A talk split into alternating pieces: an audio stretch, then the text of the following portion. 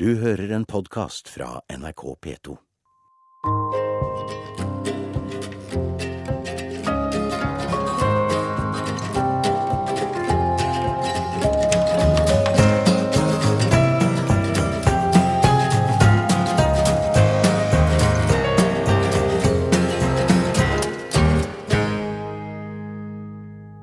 To store kofferter og to små. Det er altså igjen. Jeg har solgt leiligheten og det meste vi eier. På ordentlig. Når jeg går rundt nå i det som i noen dager til er mitt hjem, så hører jeg ekkoet slå tilbake fra veggene. Kunne jeg ha gjort det enklere? Mindre ekstremt? Nei. Jeg tror ikke det. For nå starter den store reisen. Ungen er tatt ut av barnehagen. Mannen min har tatt permisjon.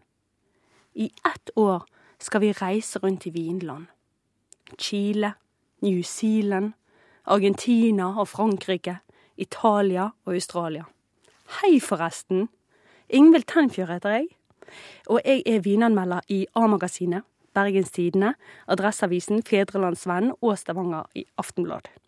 Og i Sommer i P2 så skal du få høre historien om hvordan en åreknute kan forandre et helt liv. Og hvordan jeg gikk fra å være den store vitsen i vinmiljøet til å nå ut til 1,2 millioner lesere hver uke. Det er en historie om lengsel og frykt, seire og uforutsette og grusende nederlag. Hm. Nå begynner det snart på ordentlig. Og folk jeg møter, de sier at det høres helt fantastisk å reise et helt år, og at det skulle de også ha gjort. Men de gjør det ikke.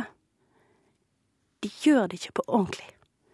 Og det gjør meg vettskremt.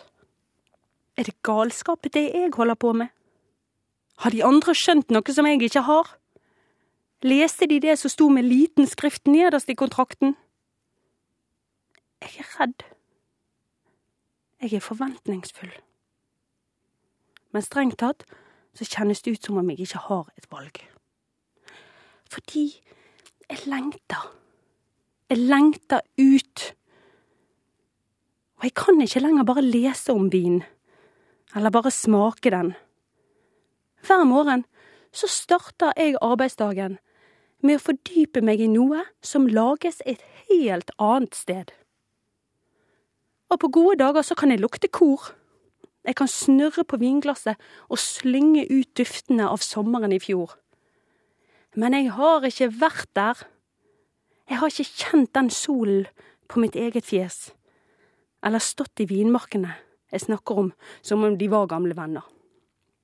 Så du skjønner, hvis jeg mener alvor, så må jeg komme meg ut av denne leiligheten som akkurat nå minner mest om med tomt skall. Kan man legge ut på en slags moderne odyssé?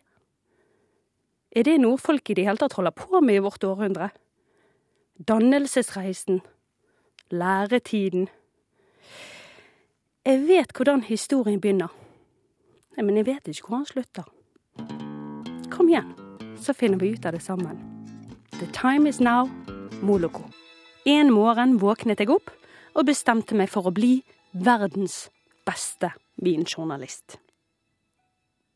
Sånn pleier jeg å fortelle eventyret om hva det var som fikk meg til å si opp jobben min som journalist i Dagbladet Magasinet, for å forfølge det som tidvis har kjentes som et vanvittig prosjekt å bli vinkjenner. Men det er ikke helt sant, det jeg sier. For det var ikke én morgen, og jeg hadde ikke en klar plan. Starten var mye mer diffus. Og jeg tror nøkkel her er en dagdrøm. Gjør du det? Hender det at du sitter på bussen eller ved middagsbordet, og så bare drømmer du deg vekk? Jeg gjør det. Mye. Du kan nesten si at det er min favoritthobby. Og i min mentale konfekteske av assorterte dagdrømmer, så er det ett bilde jeg liker veldig godt. Ah, det er nesten flaut å si det høyt, fordi det er ganske klisjépreget, men sånn er det. Jeg bestemte meg for å være helt sann denne gangen, så du får ta det for det det er. Det er altså et hus. Et vindskeivt steinhus i Italia. Og det er kveld, og ungene mine leker ute i hagen. Egentlig så er det altfor seint. De skulle vært i seng for lenge siden. Men vi i Italia, der er det ingen som bryr seg om sånt. Og nederst i hagen på en benk, der sitter mannen min. Jeg ser bare ryggen hans, der jeg går barbeint mot han. Og jeg har på meg en sommerkjole, og jeg ser smashing ut på håret. Det klarer jeg jo vanligvis aldri til hverdags, men i drømmen så ser det ut som om Jan Thomas sjøl har fønet det. Og jeg går mot min elskede med en åpnet vinflaske og to glass i hånden. Hadde dette vært et glansbilde, så hadde det vært helt slitt i kantene nå. Jeg har varmet meg på det bildet. Jeg har trukket det frem så ofte at jeg etter en stund begynte å stille spørsmålet Ja, men kan ikke det bli virkelig? Kan vi reise til Italia? Kan vi kanskje bare kjøpe det huset? Min erfaring er du trenger ikke alltid vite hvordan du skal komme deg dit, men du må kunne forestille deg sluttmålet. Hvis selve hjernen din bare slår seg av i møte med det du drømmer om, ja, så er det vel ingen sjanse i havet for at kroppen din sjøl skal komme seg der, er det vel? Og det er derfor jeg med årene har endret syn på dagdrømmingen min. Fra å se på den som en totalt unyttig og helromantisk aktivitet, så ser jeg det nå mer som en hjørnestein og karrierebygger.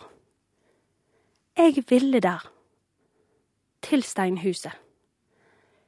Jeg ville det så mye at jeg begynte å stille spørsmål ved alt som jeg frem til da hadde sett på som selvsagte absolutter.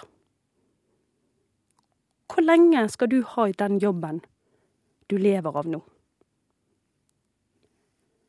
Hvis du ikke hadde hatt gjeld eller eiendom, hva hadde du gjort da? Hvilken idé er det du varmer deg på i de korte periodene du bare stirrer ut av vinduet? Er det virkelig umulig? You're the only one, Maria mener. Det gjør så ondt. Jeg tror hovedgrunnen til at så få skriver den romanen de snakker om å skrive, eller følger den elleville drømmen, er akkurat dette. Den nervesagende frykten. Ubehaget. For ikke si smerten, som er usikkerhetens lojale følgesvenn. Komfortsonen er egentlig en veldig god betegnelse på den normaltilstanden de fleste av oss tilbringer mesteparten av livet i. Fordi det er himla ukomfortabelt å stige ut av den. Så med mindre du har sadomasochistiske tendenser, er en pietist eller selvplager, så er det åpenbare svaret å bare la være. Jeg var så uheldig, eller, eller skal vi si heldig? Jeg var så heldig at jeg ikke hadde noe å vende tilbake til. Da ballen først var begynt å rulle, og jeg strakk meg ut etter drømmen om å bli skikkelig god på vin, og det å kunne leve av å formidle sanseinntrykk, så klappet tilfeldighetene sammen rundt meg. Jeg måtte velge. Sjefen min, han måtte finne en etterfølger. Og en stipendsøknad ble innvilget og offentliggjort. Så plutselig så visste alle om det, og jeg måtte stå for det jeg hadde sagt. Helt ærlig, hvis ikke, så hadde jeg nok gitt opp. Jeg hadde krøpet tilbake til livmoren og blitt der. Jeg er blitt kalt modig, og jeg ser på de og smiler tappert tilbake.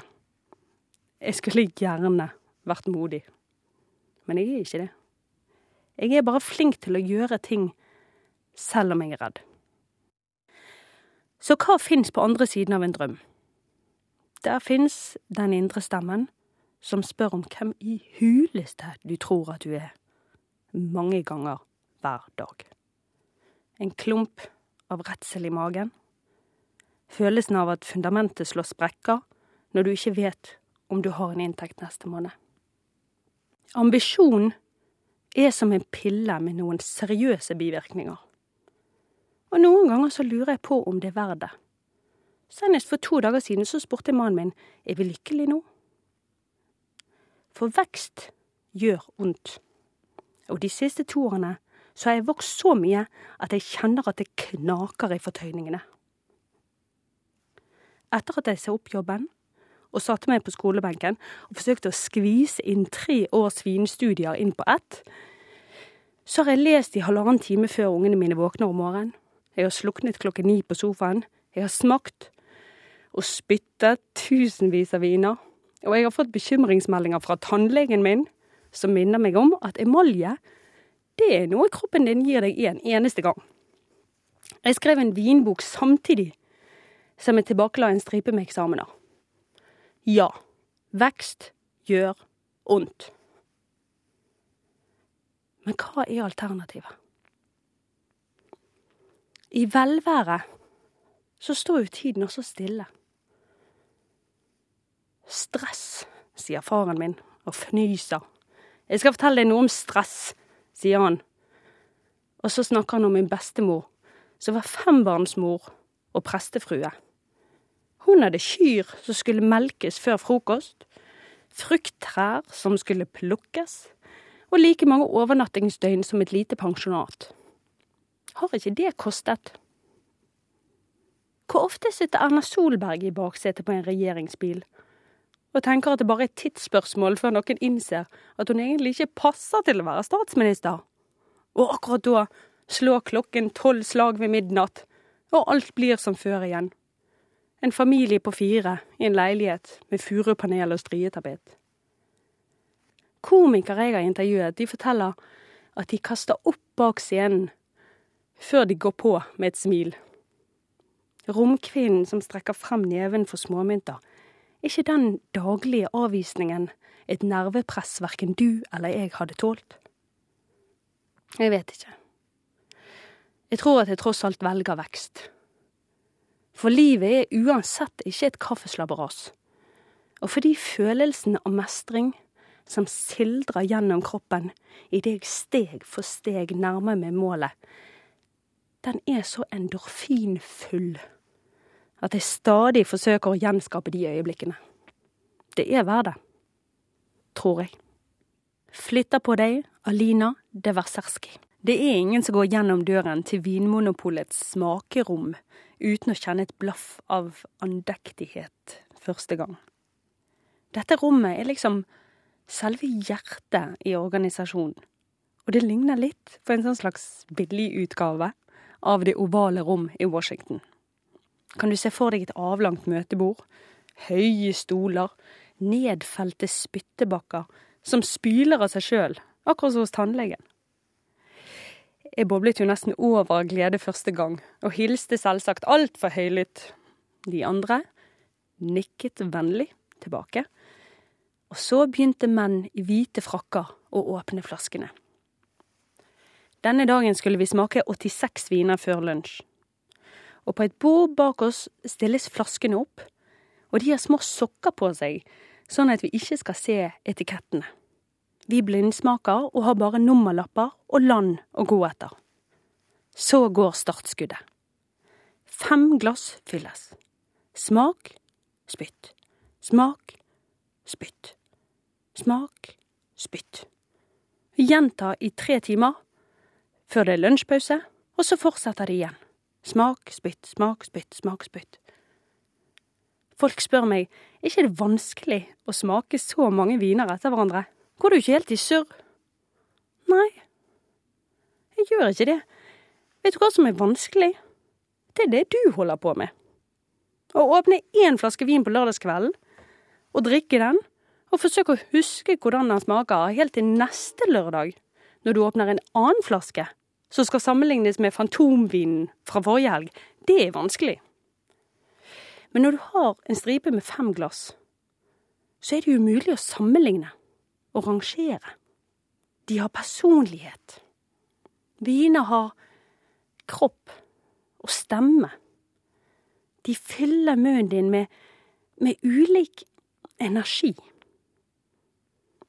Og det er akkurat dette som er utfordringen. Vi som skriver om vin, vi forsøker å fange et sanseinntrykk og lukke det inne med ordene.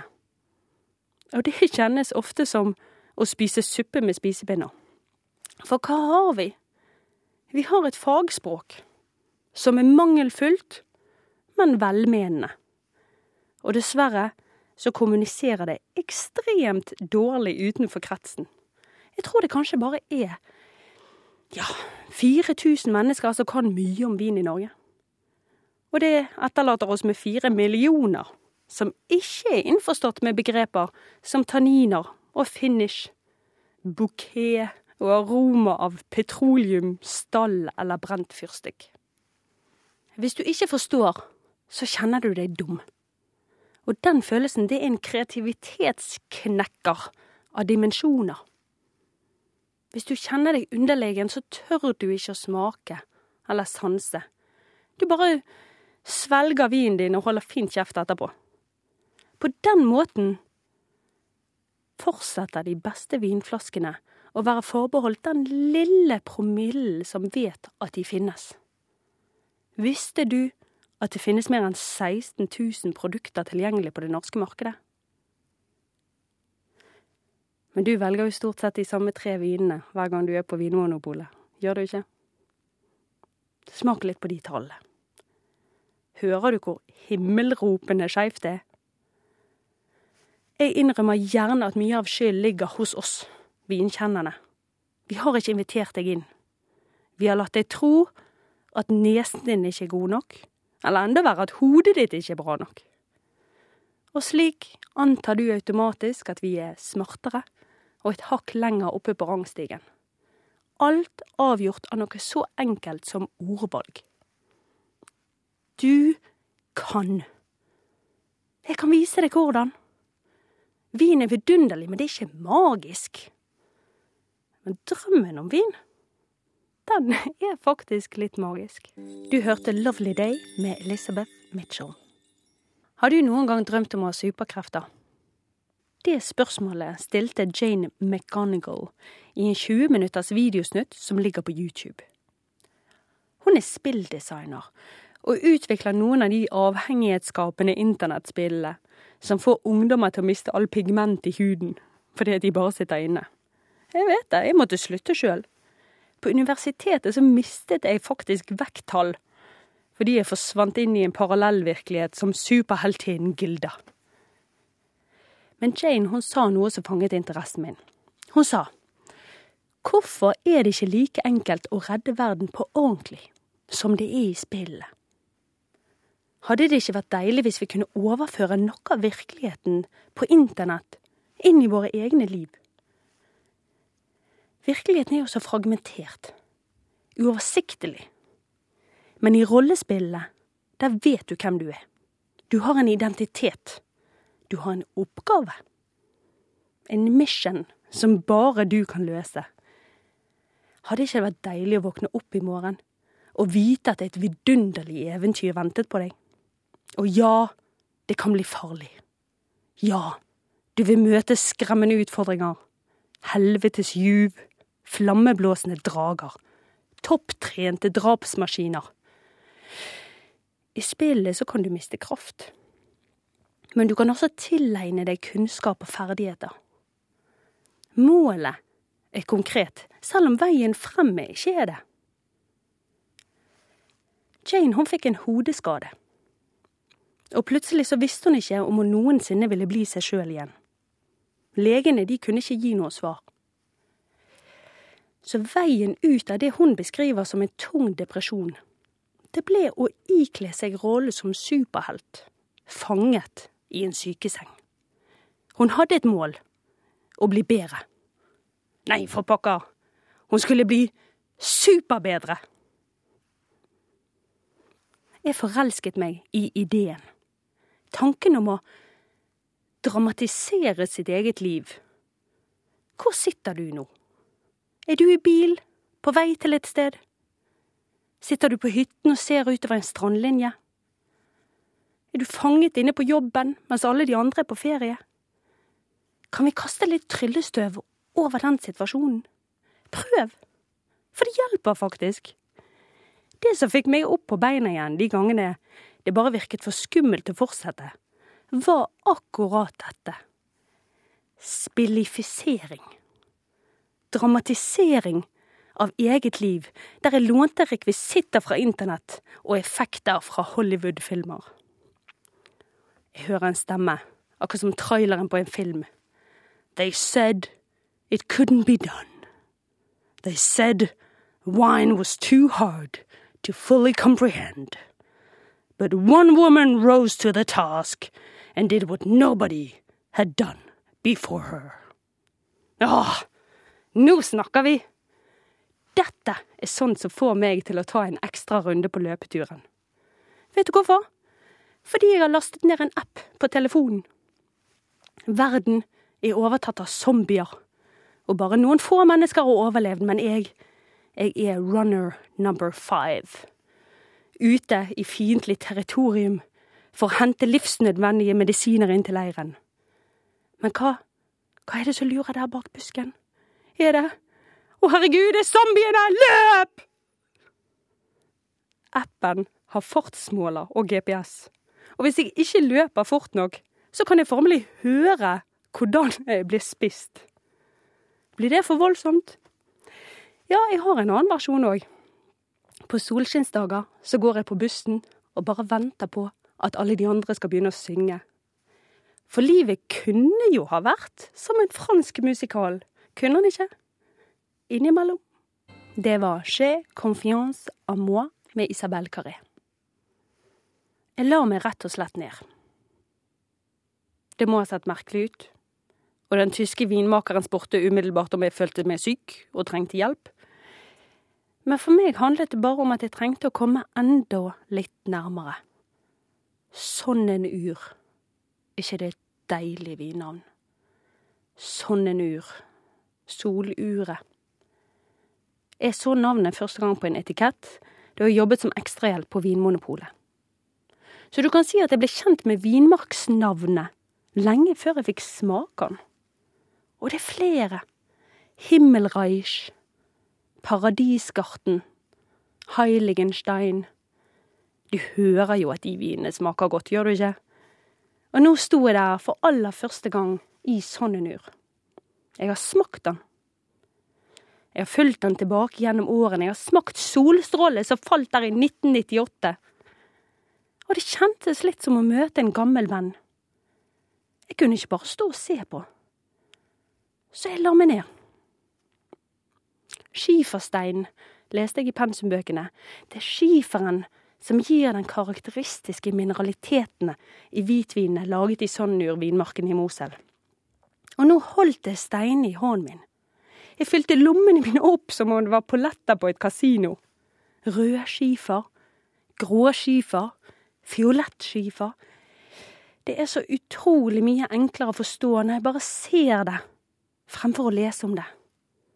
Ja, læringskurven min i Wien har vært enormt bratt. Ja, det er helt vilt hvor langt jeg er kommet på bare to år, men vi kan ikke stikke under en stol at kunnskapen min har svakheter. Jeg har lest, jeg har smakt, men jeg har ikke sett. Jeg har ikke holdt. Ikke før jeg la meg ned i sånn ur. Og fotografen Lars, som tar alle bildene til vinspalten, han måtte forsikre vinmakeren om at jeg slett ikke hadde et illebefinnende. Jeg hadde bare et øyeblikk. A moment, sa han. Et øyeblikk av fullstendig lykke. Er det pretensiøst å kalle det for det? Jeg kjente skyene langt der oppe gli over øyenlokkene mine. Lys og skygge. Lys og skygge igjen. Akkurat nok til at druene så vidt rekker å bli modne hvert år. Så langt nord er vi at det er en kamp. Marginalt klima, kaller vi det. Northerly limit of ripening, har jeg lest. I flere hundre år har disse markene gitt vin av ekstraordinær kvalitet. Du finner det samme i alle vinproduserende land i Europa. Grand Cru, Premier Cru, Gråsiske Vekst. Markene er blitt plukket opp og gjenkjent. De har sine egne uttrykk. Akkurat så, du kan gjenkjenne stemmen til din favorittartist. Billie Holiday eller Fitzgerald. Det spiller jo egentlig ingen rolle hva for en sang de synger, for bare lyden av stemmen er et fingeravtrykk i seg sjøl. På akkurat samme måte så kan du smake hvordan ulike produsenter kan lage vin fra samme vinmark. Ulike uttrykk, men samme materiale. Som coverversjoner av en låt. Ja, det er sant, du kan smake forskjellen. Du trenger ikke være trent. Du trenger ikke kunne ordene for å forklare hva som er forskjellen. Det holder å smake det for å forstå. Så mye hadde jeg. Så mye brukte jeg. Så mye hadde jeg igjen. Som barn fylte jeg hendene med sand og kastet det opp i luften før jeg fanget igjen og sa regelen.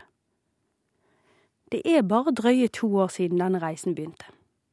Da åreknuten dukket opp og brutalt røsket vekk følelsen av å være ung og lovende. Fra jeg stilte spørsmål med hva jeg gjorde, og hvor jeg skulle. Så kan vi spole fort fremover til jobben som ble sagt opp, frykten og begynnelsen på et nytt kapittel. Skolebenken, eksamene, bokutgivelsen og nominasjonen til Brageprisen. Skjelvende hender rundt en mikrofon. Jobben for én avis, som siden ble utvidet til å omfatte fem aviser. Vinkursene, lyden av glass som klirrer, og kursdeltakere som stikker nesen dypt ned i glasset og henter opp dufter de hadde glemt at de husket. De ukentlige vinspaltene som sakte, men sikkert tar form. Smakingene. Invitasjonene. Og folk sier til meg, tenk på alt du har klart. Nå kan du endelig slappe av, er ikke du fornøyd? Jo, jeg er fornøyd. Mest av alt så gir det meg en utrolig sterk glede å vite at jeg kan forandre livet mitt. Jeg syns det er fantastisk å vite at det faktisk går an å realisere en drøm. I dette landet, i denne luken av tid, så har vi muligheter som få har hatt før oss. Spesielt som kvinne. Se utover verden. Hvor mange steder, og i hvilken historisk tid, har vi hatt tilgjengelige så stor endringskraft som nå.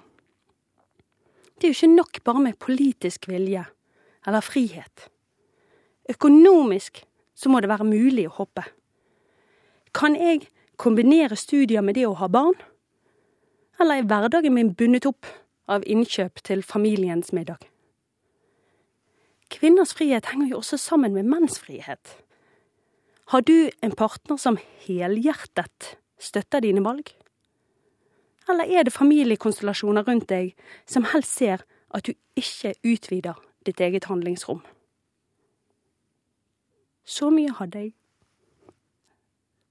Så mye brukte jeg.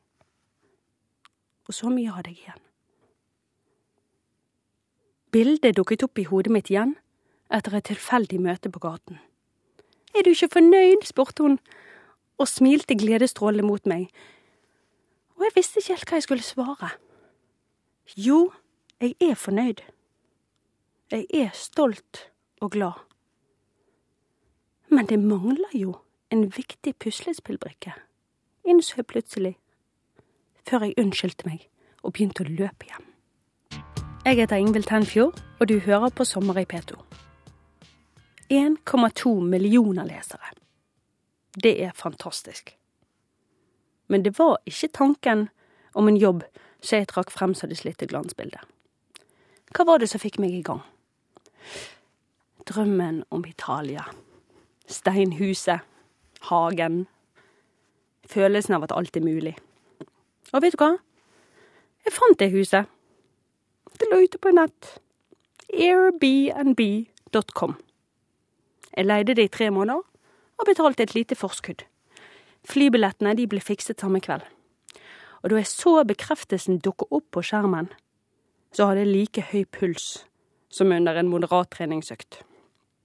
Du kan si vi hopper igjen. Jeg var så nær, men ikke nært nok. Det beste hadde sikkert vært å si seg fornøyd nå. For ved å hoppe så utsetter jeg meg jo for frykten og usikkerheten igjen. Ubehaget. Men likevel så er jo drømmen så nær. Jeg kan bokstavelig talt lukte den hagen. Det er så nært. Og jeg kan ikke bruke resten av livet på å lure på hvordan det hadde vært. Så om noen dager så gir vi nøkler til de nye eierne. Ofte så tenker jeg at vi er superkule som tør. Oftere tenker jeg at det er galskap. Vil vi bli skuffet? Kommer pengene våre til å vare gjennom et helt år? Vil ungene mine finne nye venner å leke med? Blir vi syke? Baserer jeg hele det neste året på en klisjé? Jeg vet ikke. Dette er et eventyr uten slutt. Men jeg vet hvordan det begynner. They said it couldn't be done. But one woman sold everything to seize the dream. Jeg tar sjansen. I verste fall så blir det en bra historie ut av det. Så nå er det din tur. Hva handler ditt eventyr om? Comeback Kid, Brett Dennen. Du har hørt en podkast fra NRK P2.